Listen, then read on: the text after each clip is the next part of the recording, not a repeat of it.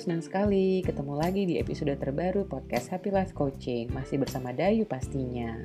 Nah, uh, ada teman ngobrol yang spesial juga pastinya karena bersyukurnya teman ngobrol hari ini tuh bisa dibilang udah lama banget gak kontak gitu ya. Terus akhirnya kita ketemu lagi-lagi di sosial media. Uh, dia ini tuh sebenarnya leader aku tuh dulu waktu masih di perusahaan yang sama. Terakhir kali kayaknya kontek-kontekan tuh uh, pindah sempat pindah ke korporasi yang berbeda merek gitu ya. Tapi belakangan aku emang notice dia emang udah jadi pengusaha gitu ya.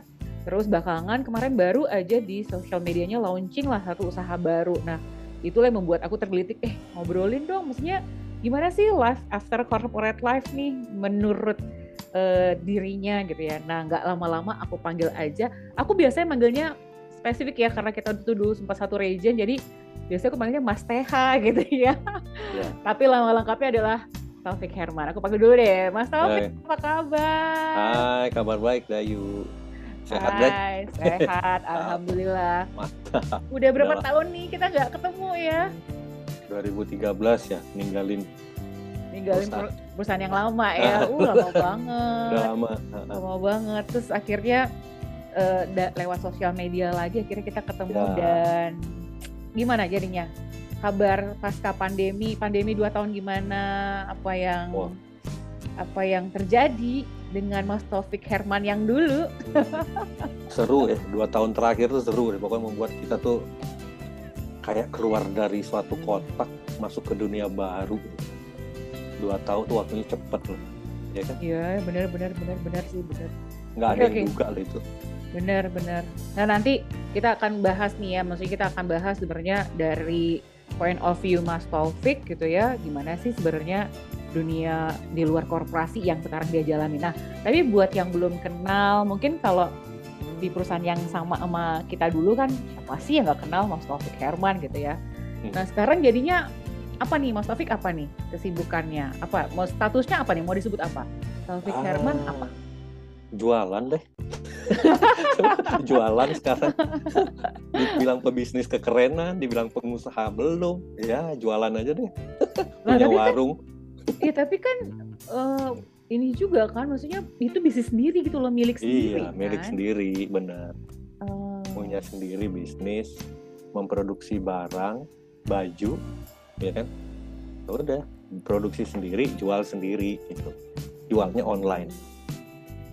Oke, Mas Taufik, nah kalau nah. boleh tahu berarti hmm. uh, karena kita memang pernah di satu perusahaan, aku pikir hmm. kita akan lama lah ya ber, bekerja bersama gitu. Tapi akhirnya kan Mas Taufik ninggalin tuh dunia korporasi. Yeah, apa di balik itu tuh Mas Taufik tuh? Tahun berapa tuh akhirnya ninggalin korporasi? Nah, apa apa di balik itu tuh sampai yaudahlah gue banting setir deh gitu. Oke, ini kita balik ya ceritanya ya hmm. di 13 eh 2013 nih 2013 tuh masa sebelum 2013 tuh maksudnya gini. Kan waktu masih di perusahaan yang dulu yang sama kita gitu kan hmm. itu posisinya waktu itu tuh lagi enak-enaknya. Posisi lagi enak-enaknya bisnis juga running ya kan company juga waktu itu enak.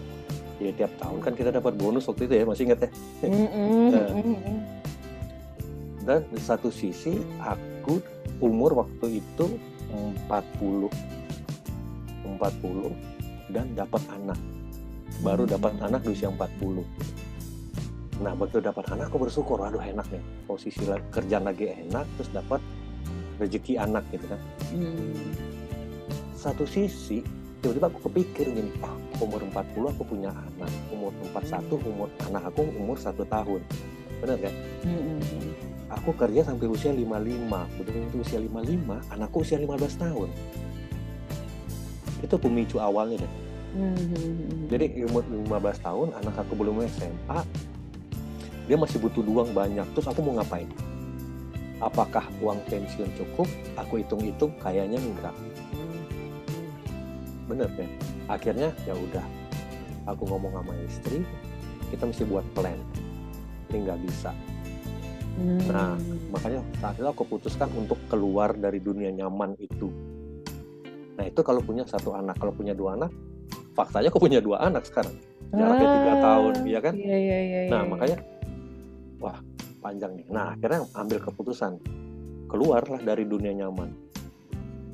nah keluar dari zona nyaman satu mikir kalau kita masih tetap waktu itu kan aku di Batam hmm. nah, nah aku mikir mau nggak mau nih nggak bisa bertahan di Batam mikir lah berarti harus loncat jauh ke mana ibu kota dan aku pindah ke Jakarta nah hmm. itu awalnya kenapa pindah dari tempat yang lama?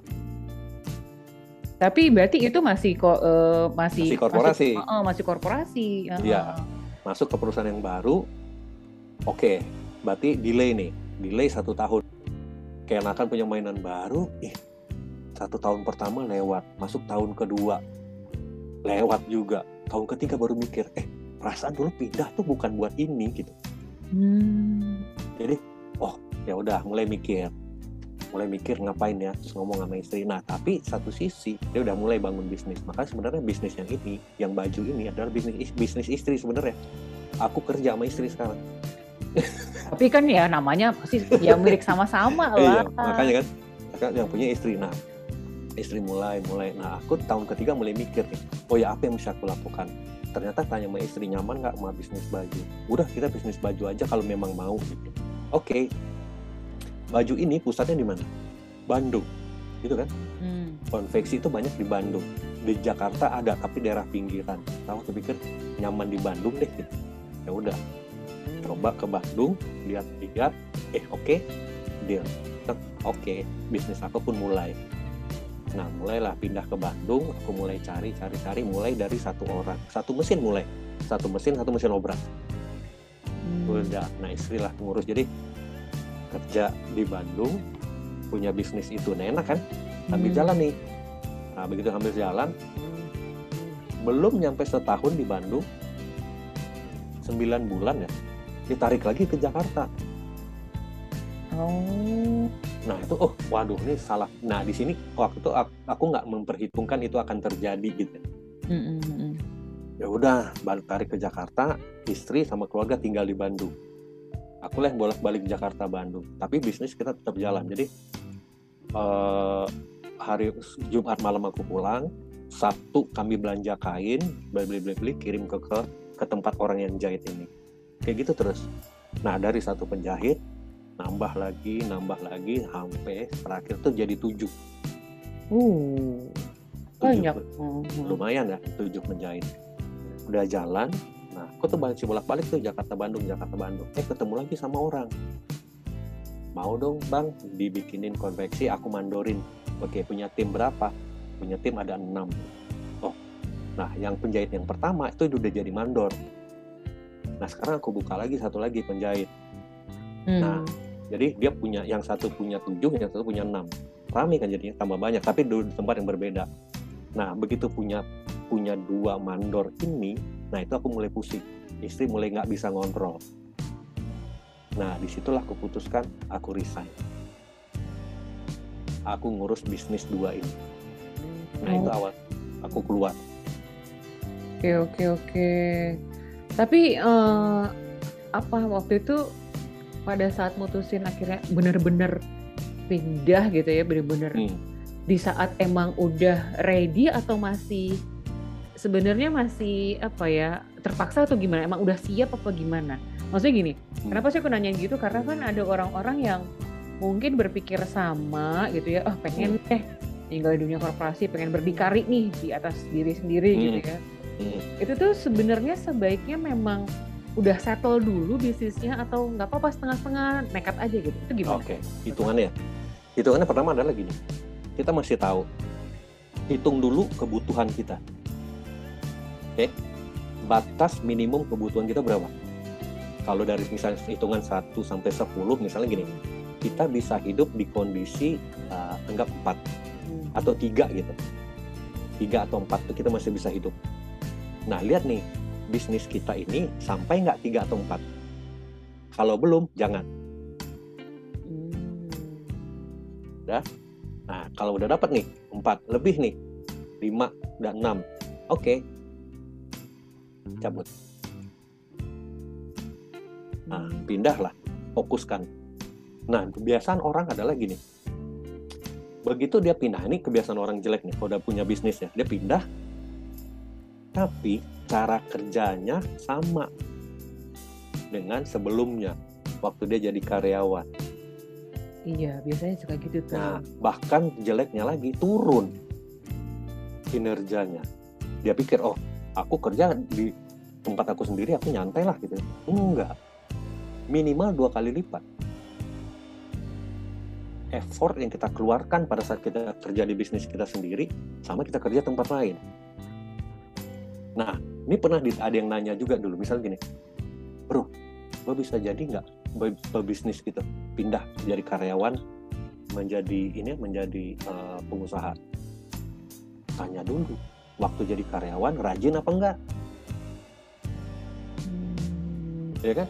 Ada kan karyawan yang sistemnya, aduh, ini perusahaan begini ngeluh aja deh. Uh, uh, uh. Ya kan? Nah, kebayang nggak kalau dia masuk ke kerjaannya? Dia ke bisnisnya sorry. Masuk ke bisnisnya dia nggak mau ngapain. Ya dia dia tuh mungkin ya kebanyakan mungkin gitu kan ya Mas nah. Taufik ya mungkin nih. Karena emang nggak mau di perusahaan tersebut akhirnya ah, udahlah gue bangun usaha sendiri. Kan ini bosnya yeah. gue jadi gue suka suka gue. Begitu akhirnya. Ini faktanya enggak begitu kita punya bisnis sendiri nggak bisa suka suka ya. effort effort kita tuh harus minimal dua kali lipat. Nggak boleh sama waktu pada saat kita kerja jadi nggak nggak nggak bener yang bisa suka-suka gue gitu. Enggak. Bener. Nah itu kebanyakan orang kenapa banyak orang kerja pindah masuk ke punya bisnis sendiri akhirnya balik lagi ke perusahaan yang lama. Hmm. ya kan? Nah kan kadang kita juga kita lihat orang kan kalau dia kerja berangkat jam 5 dari rumah nyampe kantor jam 7 mm setengah delapan mulai kerja pulang jam 5 benar kan? Mm-hmm. nah kalau langsung pulang. Kalau nongkrong dulu ya pulang malam. Udah kan? Mm-hmm. nah kalau punya bisnis sendiri coba. Bangun jam berapa? Nggak mungkin bangun jam 8 kan? Makanya kita punya bisnis sendiri itu kerja 24 jam loh deh oh. ya ini punya kita sendiri. Kenapa? Karena dulu waktu kita kerja kita dapat duit kan Mm -mm, mm -mm. Setiap bulan kita pasti dapat duit. Tapi kalau di bisnis sendiri, kalau kita nggak jualan, kita nggak dapat duit. Benar kan? Bener. Makanya effortnya dua kali lipat. Benar. Jangan lihat ya, jangan lihat pengusaha itu pas lagi nyantai. Coba lihat pengusaha itu lagi kerja, pusing. Benar, benar, benar. Karena gini, waktu kita kerja ada kubikel, si A ngurus ini, si B ngurus ini, si C ngurus ini, bener ya? Si A ngasih ini, B udah selesai, B oh udah selesai, loh si C bilang, B kok begini bikinnya? Yang penting urusan gue udah selesai, gitu kan? Nah kita nih pebisnis A sampai Z balik lagi ke A itu kita ngerjain kok. Realitanya gitu ya. Bener ya? Bener bener bener. Nah bener. makanya kalau effortnya ya itu ya mindsetnya orang kalau punya bisnis pengen nyantai salah. Hmm. Termasuk mungkin ada mungkin dari kita kita para pendengar nih ya, yeah. mungkin mikirnya gitu, ah mau capek di perusahaan orang bikin perusahaan sendiri yeah. ah.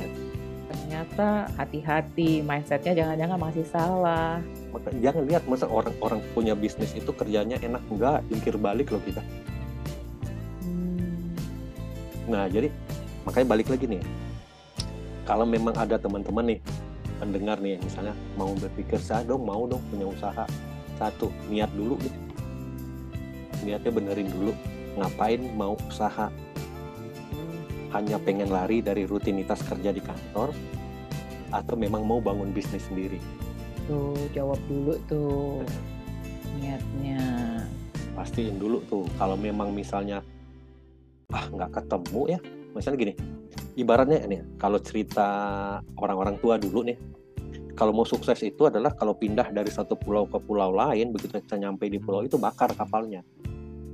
Gitu kan? Mm-hmm. nah nah nah ini sama kayak gitu hidupnya. Jadi kalau memang kita memang mau pengen sukses di dunia yang baru lupain dulu yang lama langsung selesai. Jadi kayak kalau kalau tadi aku pribadi ya mikirnya ya anakku aku 55 anak umur 15 dapat duit dari mana? Bangun usaha di usia 55 tahun kebayang nggak fisik aja udah nggak mungkin apa. Belum lagi secara mental ego. Sekian tahun hidup sebagai ego semakin tinggi posisinya egonya juga semakin besar. Mm-hmm. iya kan? nah usia 55 kita mulai dari bawah nol lagi. Kebayang nggak? Iya iya betul betul betul. Makanya kemarin tuh aku mikir di usia 45 stop aku mulai bisnis. Nah itu niat dulu nih Iya benar. Yang pertama niatnya ya. Nah, nah it, tapi itu jangan sampai lupa tuh, karena cobaannya ada aja. Nah, Mas Taufik gimana tuh? Cobaannya misalnya apa sih kalau udah ke sana terus tapi ya cobaannya tuh apa biasanya yang akan ya, se menggoda? Sebelum pindah ya, sebelum hmm. pindah.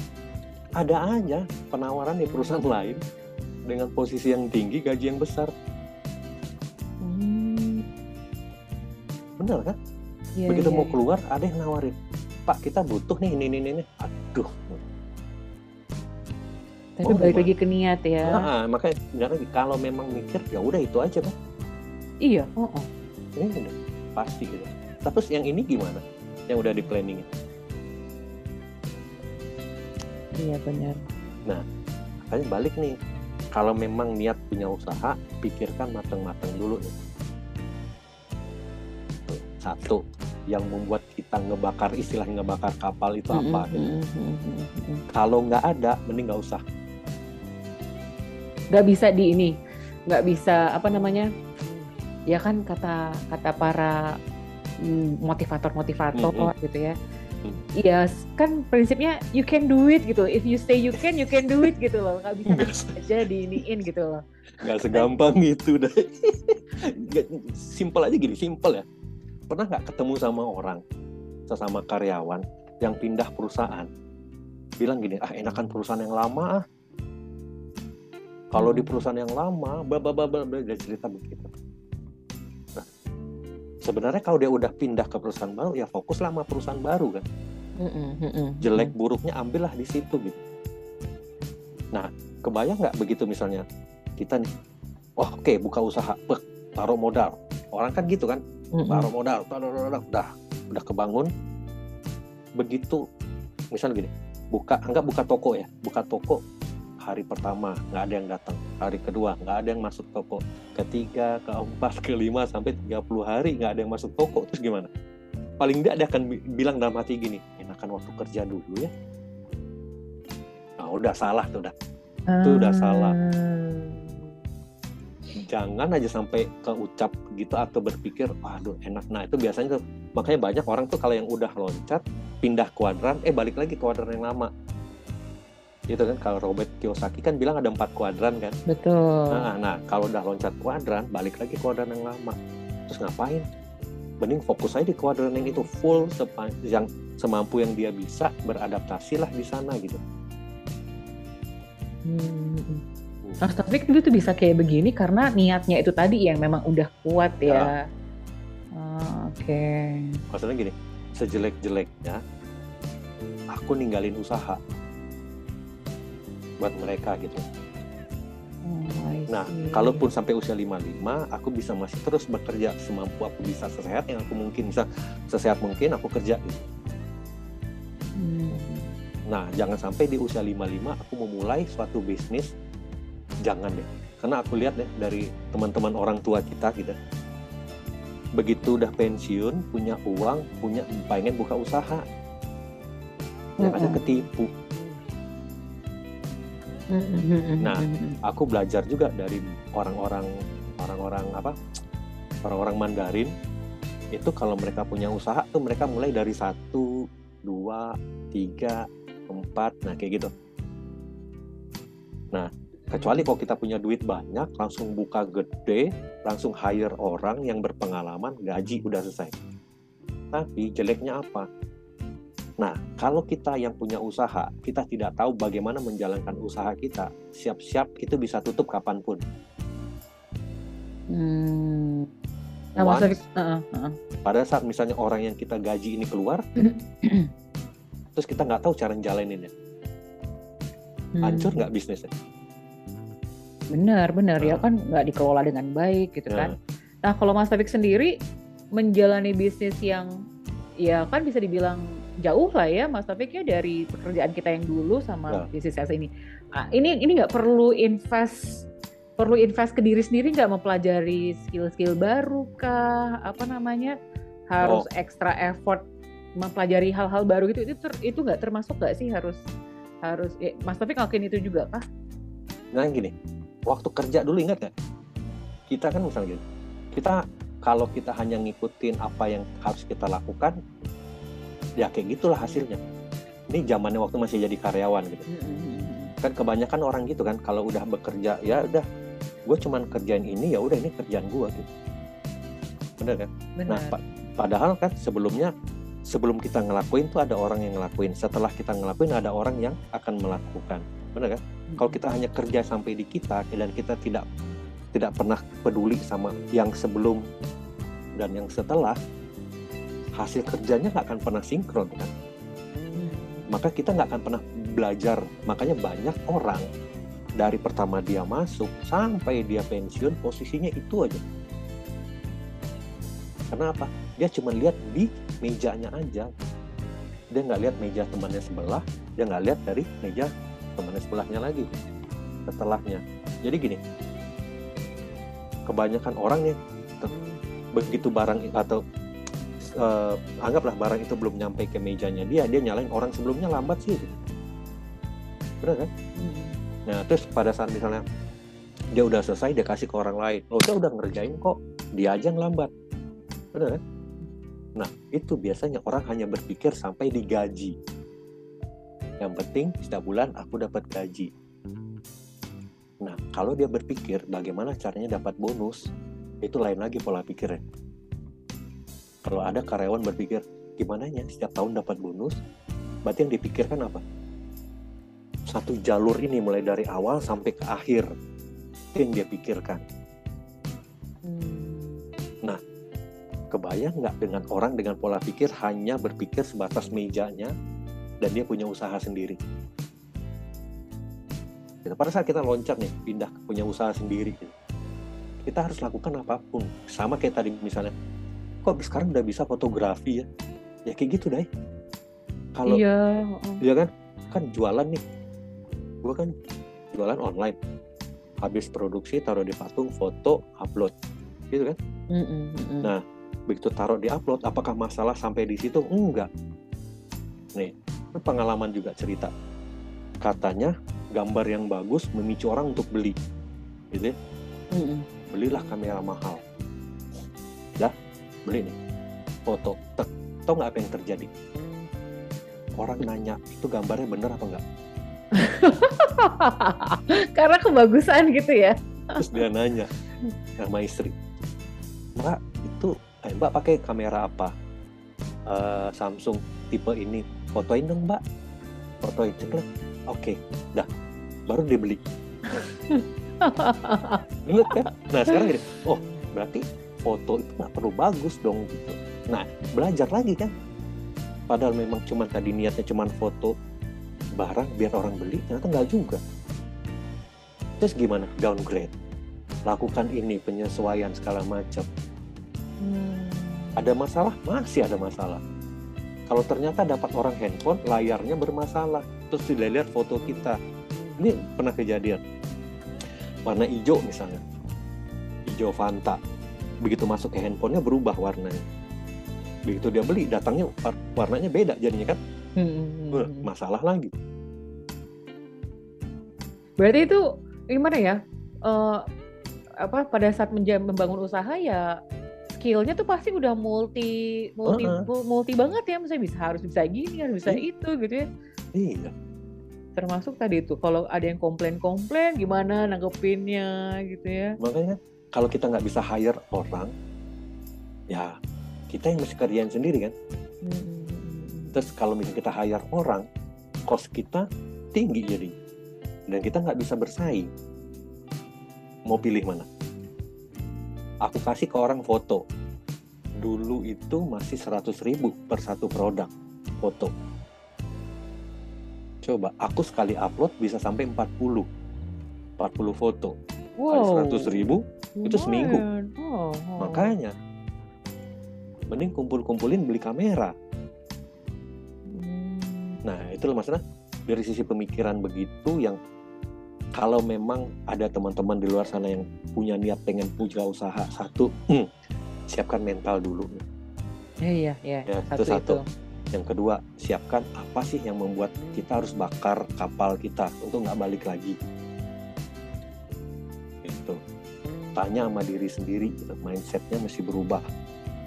Karena kalau dulu kita kerja 8 jam, kalau sekarang kita kerja 24 jam. Hmm. Nah, kalau tiga ini belum dapat, mending nggak usah. Nah, apa jangan nih? Nah, Apa Fakta jangan? ya, faktanya aku tuh buka tutup workshop itu tiga kali deh. Buka yang buka buka buka. Nah, yang tadi tuh aku kan punya dua mandor, ya kan? Terus aku berhenti kerja. Ternyata namanya orang itu beda-beda. Ada yang bikin masalah lah, ada duit penjahit yang diambil lah, ada melakukan apa, tutup satu workshop, orangnya pindahin ke sini. Nah, di sini kejadian aneh lagi, tutup lagi, buka lagi, cari orang lagi, kumpulin lagi, sampai tiga kali. Nah, pertanyaannya, kebayang nggak? Gimana caranya gitu? Kalau kita nggak nggak punya niat yang kuat untuk melakukan itu gitu. Iya, benar benar benar benar. Satu lagi tambahan, ini bonus nih. Kalau mau buka usaha sendiri, udah siap rugi belum? Harus mo ya, maksudnya modalnya ya Hmm, udah harus siap ya. iya. Makanya modal gunakanlah bisnis usaha sekecil mungkin. Gitu. Terus pelajari. Kalau dulu kan aku pelajari tuh, enak mana ya? Punya konveksi atau workshop atau hanya atau nggak punya. Nah, itu pemikirannya. Perbandingannya punya atau tidak. Kalau punya apa, kalau nggak kenapa. Jadi kita ngitung tuh ngitung. Nah, oh kalau nggak punya begini, kalau punya begini, berarti kita harus punya. Nah, punya orang banyak dengan orang punya nggak banyak. Hitung lagi. Hmm. Siap nggak kita di posisi misalnya kapasitas kita 10, ternyata permintaan 20. Misal gitu kan? Mm, mm, mm, mm. Mending hitung-hitungnya nih. Terus kalau kita bisa aja sih modal suntik lagi tambah mesin 10, ya kan? Jadi total 20 nih orang jahit. Eh tiba-tiba penjualannya menurun balik ke 10. Nah, ngitung lagi nih kita. Gitu loh, dah. Jadi mesti detail. Iya, Ngitung. iya. Nah, mending kita nambah orang atau kita kolaborasi sama orang. Mm, mm, mm. Nah, kayak gitu. Oke. nangkap ya mbak maksud gini nggak segampang waktu kita jadi karyawan Oke oke oke. Wah, Mas Taufik eh, ini aja udah banyak ya ceritanya dan apa apa ya cerita yang mudah-mudahan sih membuat orang terinspirasi. Ya. Tapi belakangan kan Mas Taufik me- melahirkan lagi usaha barunya gitu ya. Nah itu apa? Maksudnya mem- memperluas kalau kalau kan kalau misalnya yang usaha yang ini yang Hmm. workshop berarti kan emang itu dunia baru Hmm. yang kemarin aku tanya kan ini punya ini ya launching yang baru ya ini tuh kan mirip-mirip sama tugas apa, yang lama. yang, yang Ya. lama nah itu tuh gimana tuh sampai akhirnya punya menjadi udah makanya aku bilang nih udah pengusaha lah udah udah punya usaha sendiri itu Sebenar- terus sekarang ini ada lagi gitu. Nah, sebenarnya gini loh. Aku juga nggak tahu deh. Kan begitu aku keluar 2019 Januari aku stop. Udah nggak. Maksudnya aku sengaja fokus dalam dunia aku sekarang gitu. Hmm. fokus saya di sini. Nggak ada hubungin siapa-siapa nggak ada konteks siapa-siapa. Makin lama terus sambil jalan sambil jalan ketemu lagi sama teman-teman yang lama. Fik apa kabar? Ini ini ini ini. Apa sekarang bisnisnya? Ini gitu aku bilang itu ini ini ini. Oh ayo kumpul yuk kumpul. Gitu ketemu ketemu ketemu terus lihat eh man, ikut nggak ini? Masa dunia dalam dunia training kan? Ngajar lagi nggak? Maksudnya ada teman-teman eh ngajar dong. Ngasih tahu kita nih tentang dunia bisnis perkembangannya apa gitu. Ya udah mulai sharing sharing sharing sharing eh enak nih kita ayo lanjut lagi lanjut lanjut. Akhirnya ketemu lagi nih sama teman-teman. Akhirnya ketemu ini ketemu ini ketemu ini. Ayo ngumpul gitu. Udah ngumpul akhirnya iya ya kalau memang dasarnya tukang jual obat gitu ya. Begitu nggak jual obat kayaknya ada yang kurang gitu hidup ya.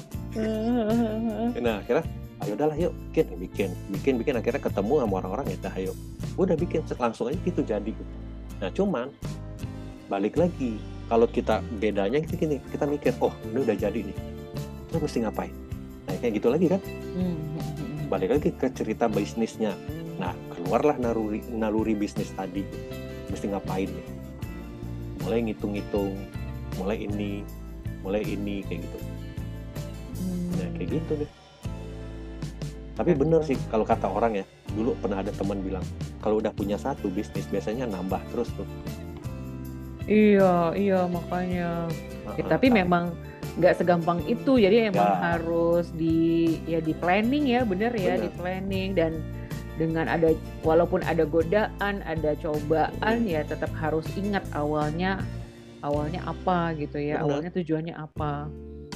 Mas Taufik tuh kalau kan berarti kan emang udah punya usaha yang baru gitu ya. Hmm. Di perjalanan itu tuh ada ininya nggak sih, maksudnya? harus ke siapa kalau misalnya butuh ya inilah ya tadi itu teman kolaborasi lah atau hmm. kayak yang menemani supaya nggak ke mana-mana gitu loh supaya ada temannya nggak sih? Ada temen yang ininya gitu ada coachnya kah? Ada oh, apanya? eh, coach diri sendiri aja. Belajar learning by doing aja. Hmm, nggak ada karena, ininya. mm, karena gini kalau kita udah bicara dunia bisnis ya nggak ada yang gratis. Satu. Terus yang kemudian uh, kita harus mensaring masukan orang dari luar. Karena kadang-kadang ada orang ngomongnya sepertinya enak padahal enggak. Ya maksudnya gini uh, analisa itu harus lebih kuat. Hmm. kalau kata beberapa orang sih uh, pebisnis itu kerjanya pada saat karyawannya tidur. Beneran ya? Uh, uh, jadi pada saat orang ya kayak gitu tadi. Kita mesti mikir analisanya apalagi nih? Karena si si pemilik usaha itu mikirnya global besar ya. Si karyawannya mikirnya detail. Nah jadi kalau di, di, diulang misalnya kalau kita balik lagi ke ke belakang gitu. Mulai punya usaha satu berkembang berkembang. Ya kalau dipikir-pikir sih ya udah jalurnya aja gitu. Kayak gini kayak gini gitu. Terus ketemu orang lagi buka usaha lagi ya ada aja sih. Cuman bagaimana caranya kita ah satu lagi nih. Dulu ya aku nggak suka baca. Masa sih? Suka Masa, ngomong, sukanya ngomong soalnya ya. ngomong kan bener kan? Baca dikit ngomongnya yang banyak gitu. Hmm. kalau sekarang bacanya yang banyak. Jadi kalau ditanya siapa coachnya? Ya nggak ada. Kita dapat dari referensi-referensi itu aja makanya ada ada tuh yang pepatah bilang atau misalnya uh, fakta atau apa gitu ya CEO itu satu tahun harus baca berapa buku gitu nah itu wah bener-bener ya beda ya beda ya. ternyata maksudnya kalau misalnya berarti kalau misalnya di dari cerita Mas Taufik tadi gitu ya hmm. memang life after corporate life itu ya memang banyak bedanya ya. ya. Maksudnya 180 derajat berubah lah gitu ya. Hmm, tapi tapi dengan segala macam yang udah Mas Taufik jalanin itu, hmm. Hmm, kan nggak semuanya ber, ber apa ya, nggak semuanya berkonotasi dengan perjuangan sama struggle. Happy happynya apa? Kalau jadi gini, kalau misalnya ya pasti beda uh, waktu jadi corporate sama yang udah sekarang gitu ya. Hmm. Tapi apa dong hal-hal happy-nya yang membuat Mas Taufik juga tetap lanjut terus gitu? Pasti ada dong, apa tuh? Duit lah deh. Selain itu, ya berarti duit aja nih ya. Selain itu ada nggak sih yang bedanya ya plus oh. minusnya lah gitu? Maksudnya gini, kayak misalnya kemarin lah ya dua tahun dua tahun terakhir yang kita tuh mm. semua orang kena kan. Mm -mm. Nah happy-nya di mana? Happy-nya adalah pada saat kita bisa mengalahkan situasi. Dan pada saat kita bisa bangkit dari jatuh. Hmm. Itu happy dah. Nah, karena ya beda ya. Misalnya kalau nggak tahu ya kalau aku pribadi sih mikirnya uh, ini ada challenge kita mesti selesaiin ini ada masalah kita mesti cari solusi gitu kan pada saat itu berhasil ya itulah senangnya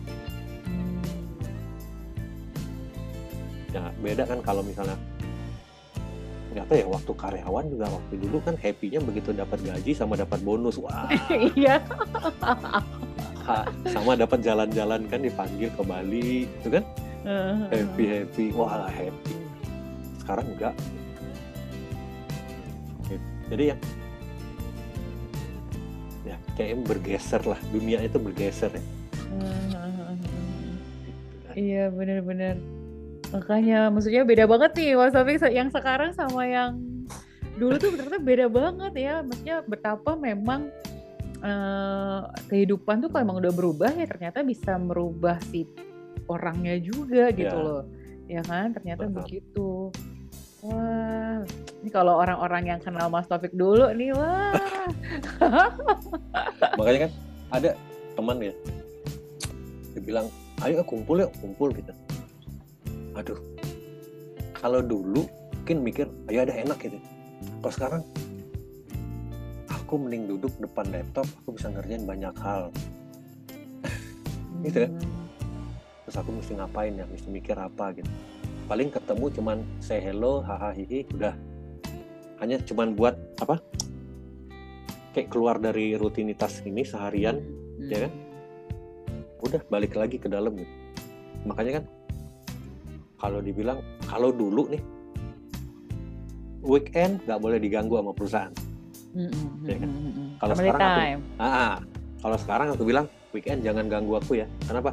Aku harus foto, aku harus edit foto, aku mesti mesti nyiapin template, aku mesti upload, aku mesti mesti nyiapin video, marketing tools.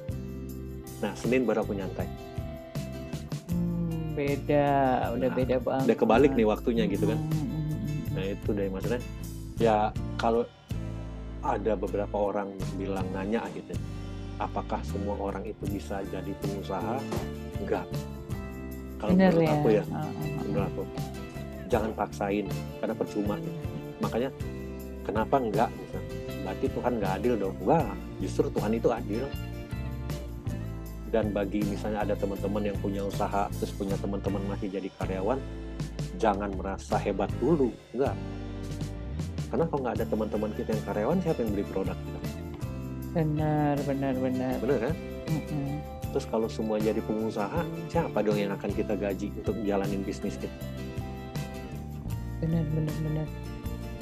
Jadi ini saran juga sih kalau buat teman-teman. Kalau memang belum punya nah ya belum punya jawaban atas alasan kenapa harus bakar kapal kita. Jangan coba-coba lakukan. Untuk pindah kuadran istilahnya gitu. Hmm. Karena akan buang-buang waktu. Mending fokus aja di sini, benerin diri kita. Ya udah begitu kan. Hmm, agak point of view yang menarik nih ya. Yeah. Ya, eh, jadinya karena sejujurnya kan Mas Taufik kalau misalnya ada yang point of view berbeda justru ada juga mungkin yang bilang harus ini dong harus di ini dari sekarang gitu. Kalau nggak nah. kapan pindah kuadrannya gitu. Tapi Betul. this is inilah this is interesting. Jadi kita tuh punya point of view yang berbeda. Artinya realitanya malahan ya bukan bukan semata-mata ah, you can do it you can do it. Tapi realitanya mesti harus siap dihadapi. Ya makanya kan udah siap gagal belum Nah itu aja dulu. Kalau belum siap ya udah. Nah terkadang, nah terkadang nih jeleknya. Ini bukan jatuhin ya, teman. Aku ngelihat beberapa kejadian. Ada nih teman-teman yang udah loncat kuadrannya, hmm. gitu. Terus dia bilang, wah enak nih di sini tempat aku aku bebas bisa ngapain, aku begini, aku begitu gitu kan. Faktanya sih nggak begitu gitu loh. Nah maksudnya gini. Jangan juga terpancing sama ngelihat orang yang lagi wah dia sejak jadi umur. Misalnya kayak kayak aku gitu ya. Wah udah enak nggak enak sekarang fake gitu. Karena bisa gondrong bisa kumisan berewokan. Ya kan? Terus sedangkan gue harus tetap rambut pendek nggak enak sama bos hormat pagi sama orang masih basa-basi. Waktu nah nih bilang kan aku bilang sama teman itu waktu kemarin dua tahun terakhir kami babak belur loh pengusaha ini babak belur. Yang enak mana? Karyawan. Hmm. bener kan? Hmm. Hmm. jangan lihat semuanya enak. Makanya aku bilang balik segala sesuatu ini itu udah adil. Dengan apa adanya itu udah adil. Jangan maksain diri harus seperti orang ih benar banget benar banget. jangan, jangan kejebak aja pokoknya dengan ya dengan intrik-intrik yang pengen bilang gua nih enak loh belum tentu juga kadang. Konsekuensinya pasti ada gitu. Oh ya satu lagi.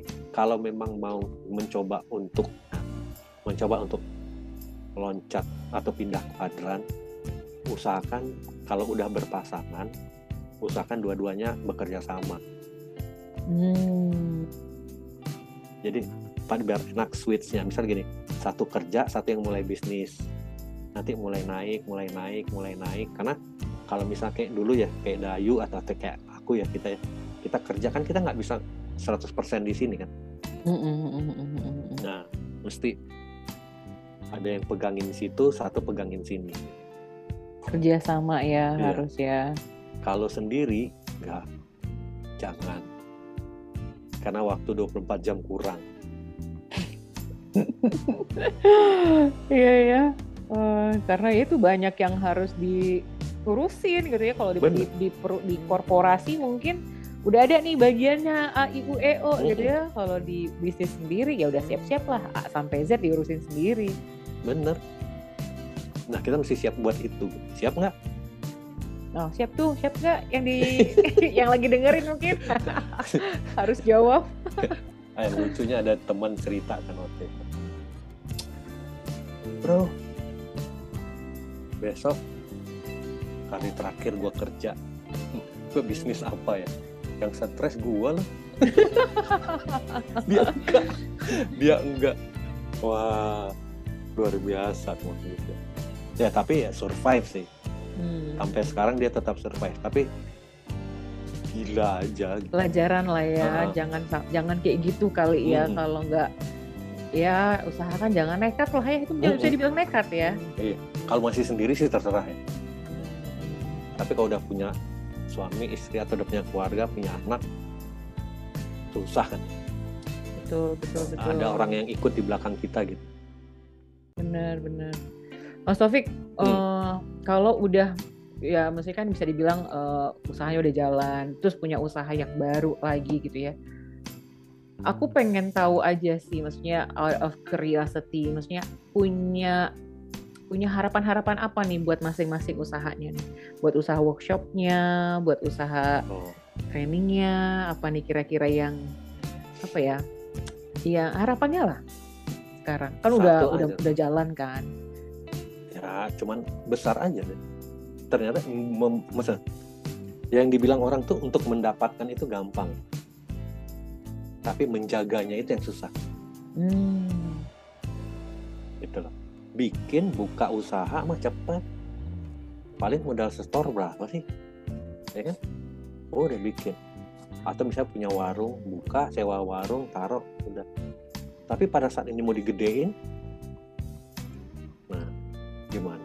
Atau paling nggak bukan itu jangankan buat membuat dia jadi lebih besar gitu. Bertahan aja. Gimana caranya? Jangan sampai cuman buka setahun habis itu tutup lagi. Hmm. oh, udah sibuk nyari dai ada lowongan nggak dai? Kayak gitu kan? Uh. ya ngubungin teman ada kerjaan nggak nih? Ada. Yang penting tuh gini. Bertahan ya itu udah bagus. Eh oh, satu satu satu gitu jangan pernah berpikir punya usaha itu akan kaya ya punya bisnis itu akan kaya Oh, kan katanya begitu. Belum tentu.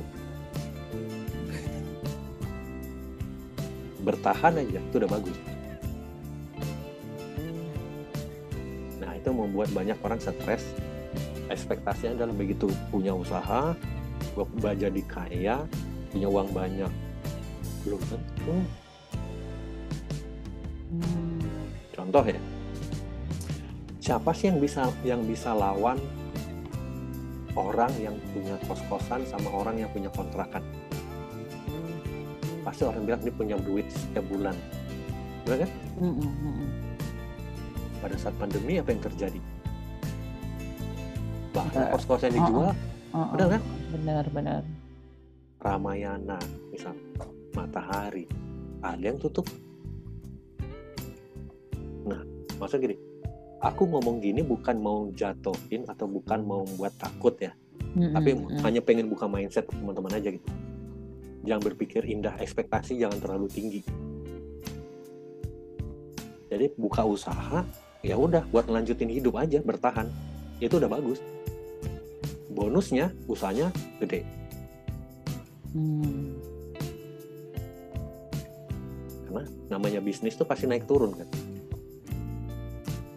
Kuat nggak di posisi di bawah kuat nggak posisi di atas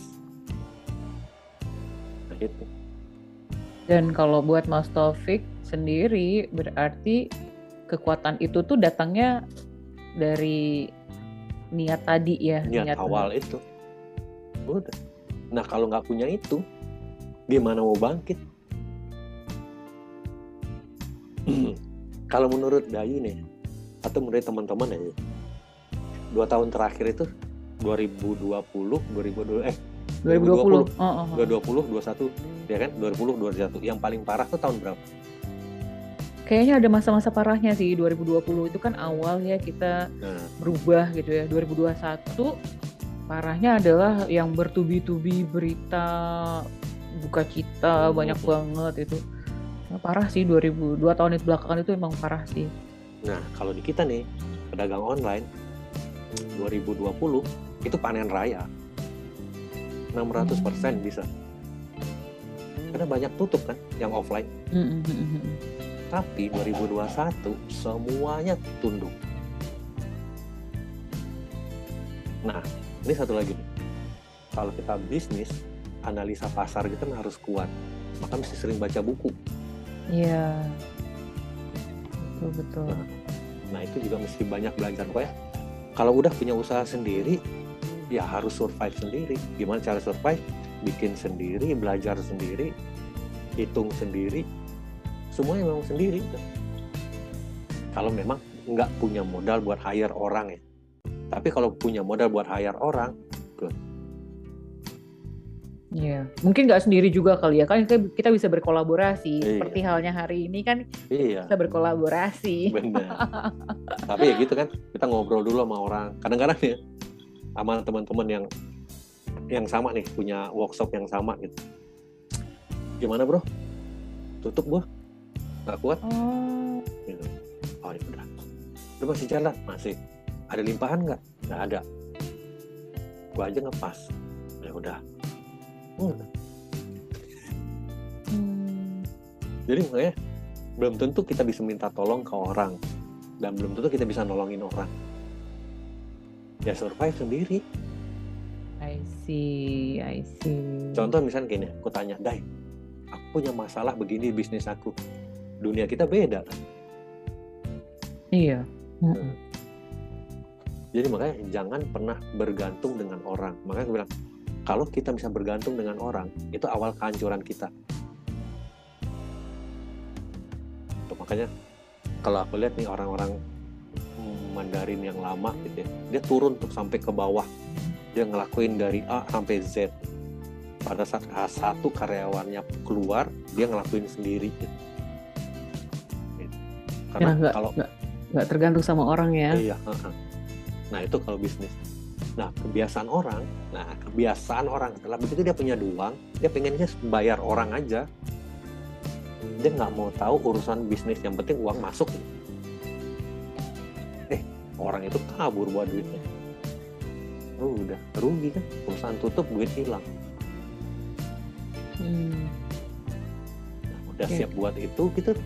Nah gitu loh. Oke. Okay.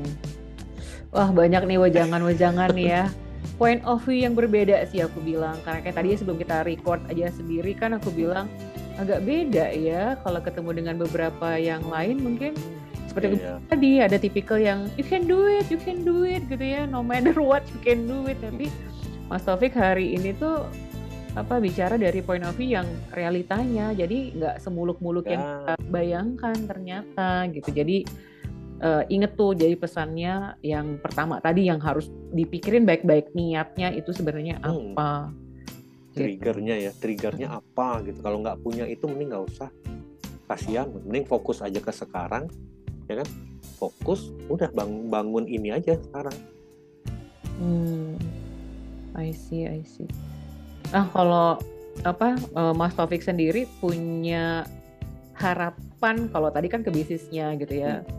Uh, bisnis yang Mas Taufik punya. Tapi kalau harapan Mas Taufik secara menyeluruh secara global lah harapan untuk industri pengusaha di Indonesia sendiri itu apa? Kalau memang boleh berharap misalnya kan kita menghadapi habis baru aja pandemi iya. katanya kan kita lagi mau pemulihan. Harapan-harapan Mas Taufik apa kira-kira nih? Ya maksudnya gini kita pengennya sih cepat pulih lah dalam arti yang dibilang orang itu yang kita tuh nggak bisa berdiri sendiri bahwa ya kita pengusaha ciptain produk yang belikan orang Mm-hmm. Kalau orang ini dia nggak punya kerjaan, berarti dia nggak dapat duit. Dia nggak dapat duit, berarti dia nggak bisa belanja, gitu kan? Mm-hmm. Nah kita ini semua adalah lingkaran gitu, lingkaran yang saling terkait satu sama yang lainnya gitu. Jadi kalau semuanya naik, ya enak kan? Siklusnya itu berjalan dengan semestinya gitu. Jadi memang sih agak berat ya. Dalam arti ke depan itu orang akan banyak hal yang berubah, banyak hal yang berubah. Misalnya gini, uh, kayak misalnya tadi Dayu cerita kan sekarang orang nggak kerja lima hari lagi tiga hari kerja.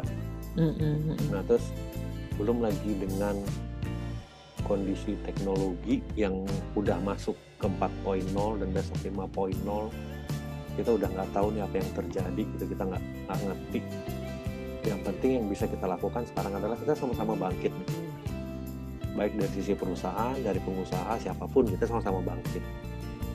Ekonomi itu nggak akan jalan kalau siklusnya nggak nyambung. Itu sih, nggak nggak, maksudnya makanya kemarin aku aku berpikir ada teman bilang wah masih mending kita ya kita kita ini punya usaha walaupun sejelek-jeleknya kita usaha kita adalah milik kita sendiri gitu. Mm -hmm. Aku pikirnya juga gitu. Enggak. Maksudnya ada arti kita juga butuh orang hmm. yang kita sebut karyawan gitu kita tuh ketergantungan satu sama yang lain nah jangan putus mata rantai itu loh iya iya iya iya dan jangan menyesal waduh saya tetap karyawan ya enggak ngapa-ngapa emang jalurnya di situ mau diapain jangan menyesal lama-lama makanya gue bilang ini lama-lama banyak orang yang nggak ini ya nggak pandai terima kasih ya kali ya. nggak pandai bersyukur kali ya Iya, benar. Maka ujung-ujungnya ke sana kan jadinya gitu. Mm -mm. Yaudah, kalau menurut kalau aku ngomong ke temanku kemarin, oh udahlah stay di sana, perbanyak skill, perbanyak kemampuan, perlebar hati, gitu kan? Mm ya. Toh juga di sini juga kami sama nih, kami orang-orang pengusaha juga sama, perbanyak skill, ya kan? berbanyak usaha, pelebar hati. Kenapa? Kalau nggak ada orang beli satu ini, hari ini ada yang beli, besok nggak ada yang beli. Mau ngapain? Ya udah, dia udah ya bersabar usaha gitu. bener, bener kan? Ya itu ada yang udahlah sama-sama gitu. Aku aku bukan menghalangi untuk teman-teman pindah kuadrat enggak. Gitu loh. Satu, nggak semua orang bisa yang kedua Tuhan itu adil udah yakinkan iya. aja lah itu Dan jangan paksa diri untuk pindah kuadran kalau memang enggak ya udah memang aku di sini aku juga misalnya dua dulu ya. Pada saat aku ngajuin surat resign aku cerita malam besok resign. Nih surat udah siapin. Hmm, hmm, hmm. galau nih. Galau. Aduh ngajuin apa enggak? Ngajuin apa enggak? Terus aku bilang ya Tuhan mudahkan aja. Kalau memang aku harus resign mudahkan jalannya. Tapi kalau enggak ya tunjukkan jalannya. Udah tidur besok pagi badanku ringan otakku seger aku jalan ke kantor aku kasih surat clear Iya iya iya. Kalau misal waktu itu ada di hati jangan dulu lah, stuck aja. Aku nggak akan ngajuin. Dengerin lah ya, dengerin kata hati ya. Ma, feeling kita kan. Kalau misal ada yang ngomong, tek, nah udah berarti enggak. Tapi itu tuh alhamdulillah bangun, mandi segala macam, eh kok seger ya gitu. Ringan badan, ya udah berangkat ke kantor ngomong sama bos, bos nih nih nih nih nih agen nih surat Iya. yeah. udah jalan tapi pertanyaannya apakah semulus itu dalam menjalankan usaha enggak juga Iya balik lagi ya kan nggak se nggak seindah yang hmm. di, yang dilihat gitu ya ada dulu jenderal besar bilang gini tidak ada musuh yang berat di atas dunia ini selama bisa dihitung. Jadi maksudnya berarti gitu, kalau aku bawainnya tidak ada kondisi yang berat atau masalah yang berat terjadi selama kita masih bisa hitung oh ini itu ini itu. Ada solusinya jalankan. Iya benar benar benar. Banyak banget sih yang aku beda lah Mas Taufik. Hari ini tuh iya. teman-teman ngobrol aku nih Mas Taufik Herman ini yang biasa aku panggil TH dulu ya zaman dulu. Memberikan point of view yang beda banget dan mudah-mudahan sih yang denger gitu ya. Aku pun dalam hati itu tadi sebelum sebelum recording itu udah aku bilang gitu ya kok beda ya? gitu ya. Di percakapan kita pun juga point of view-nya beda ya beda banget sama yang kita sering denger-denger di di sosial media aja. Bahkan ya kan banyak yang apalah ya maksudnya kita tuh di ya. uh, di itu di ini lah ya di gadang saya di woro-woroin lah yuk jadi pengusaha jadi pengusaha gitu ya. Tapi ternyata seperti Mas Taufik bilang maksudnya bahwa ya udah ada jalannya masing-masing kayaknya Jadi, gitu ya. Jangan Dan dipaksain Tuhan, gitu. Tuhan itu adil kok. Uh, jangan dipaksain jangan korbankan orang lain.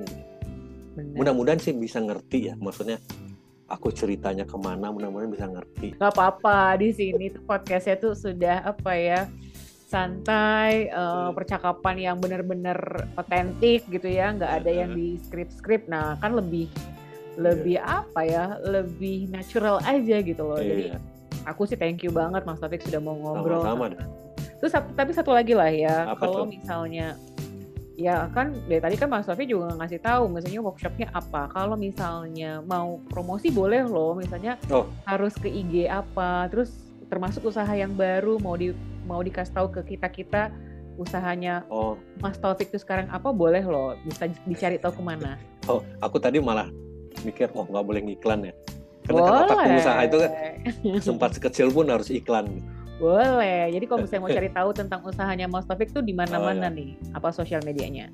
Uh, kita pakainya IG, jualannya murni di IG. Jadi kita nggak pakai marketplace, kita nggak pakai apa-apa gitu.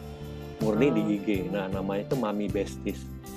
Oh, at Mami Besties. At, at Mami ya. Besties. Nah, tuh. Terus kalau yang untuk yang yang baru ini itu kan untuk training and consulting gitu. Mm-hmm. Nah itu masih baru, yang masih baru. Konsepnya sih di mana uh, kebetulan yang gabung di dalam itu expert semua gitu. Salah satunya ada orang orang ngetop lah di dalamnya itu yang punya nama gitu. Uh, yang kita sebenarnya punya jiwa sama, di mana kita pengen berbagi. Nah memang kalau menurut kita zaman sekarang banyak orang yang nggak mau berbagi sebenarnya. Maksudnya dia hanya pengen menang sendiri sedangkan zaman sekarang tuh nggak bisa. Kita harus saling berbagi. Benar benar. Karena karena dalam kehidupan itu lingkaran kehidupan atau siklus ekonomi itu harus jalan. Dengan hmm. ekonomi tumbuh maka daya beli orang naik kan. Hmm. maka bisnis apa pun yang di yang di yang dijalankan akan dibeli orang. Kayak gitu loh. Itu misinya kita. Hmm. sebenarnya. Nah balik lagi cerita ya mudah-mudahan sih teman-teman masa ngerti ya konsep konsepnya bahwa maksudnya kita bukan hanya bicara gimana sih caranya pindah bukan gitu ya? Bukan ngelarang juga orang nggak boleh pindah nggak. Punya orang oh setiap orang punya kesempatan.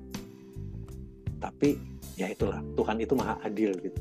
Oke oke oke Benar, jadi Mas Taufik uh, di podcast ini sudah identik dengan percakapannya tuh yang biasanya adalah non script. Jadi yeah. mudah-mudahan sih percakapan kita sih membuat yang dengar nah. terinspirasi ya Mas Taufik ya benar-benar hmm. yang seperti Mas Taufik bilang lah kita nggak ada niat untuk yang nakut-nakutin tapi ini yeah. beneran point of view yeah. yang berbeda saja dan itulah yang aku seneng dari semua teman-teman yang aku ajak ngobrol pasti yeah. ada aja yang menginspirasi gitu ya jadi mudah-mudahan uh, para listenersnya podcast ini yeah. juga akhirnya jadi punya ini ya punya view yang berbeda nggak yeah. nggak semerta-merta hanya dengar dari satu sisi aja gitu. Ya, Jadi thank you banget Mas Taufik sudah mau diajak ngobrol. Ya, Semoga nanti kita bisa bertemu nih di iya. sesi tatap muka mungkin di sesi apa gitu ya. Mudah-mudahan iya, sih kita bisa ketemu lagi. Eh, eh tapi bisa collab nggak nih kita ntar ya?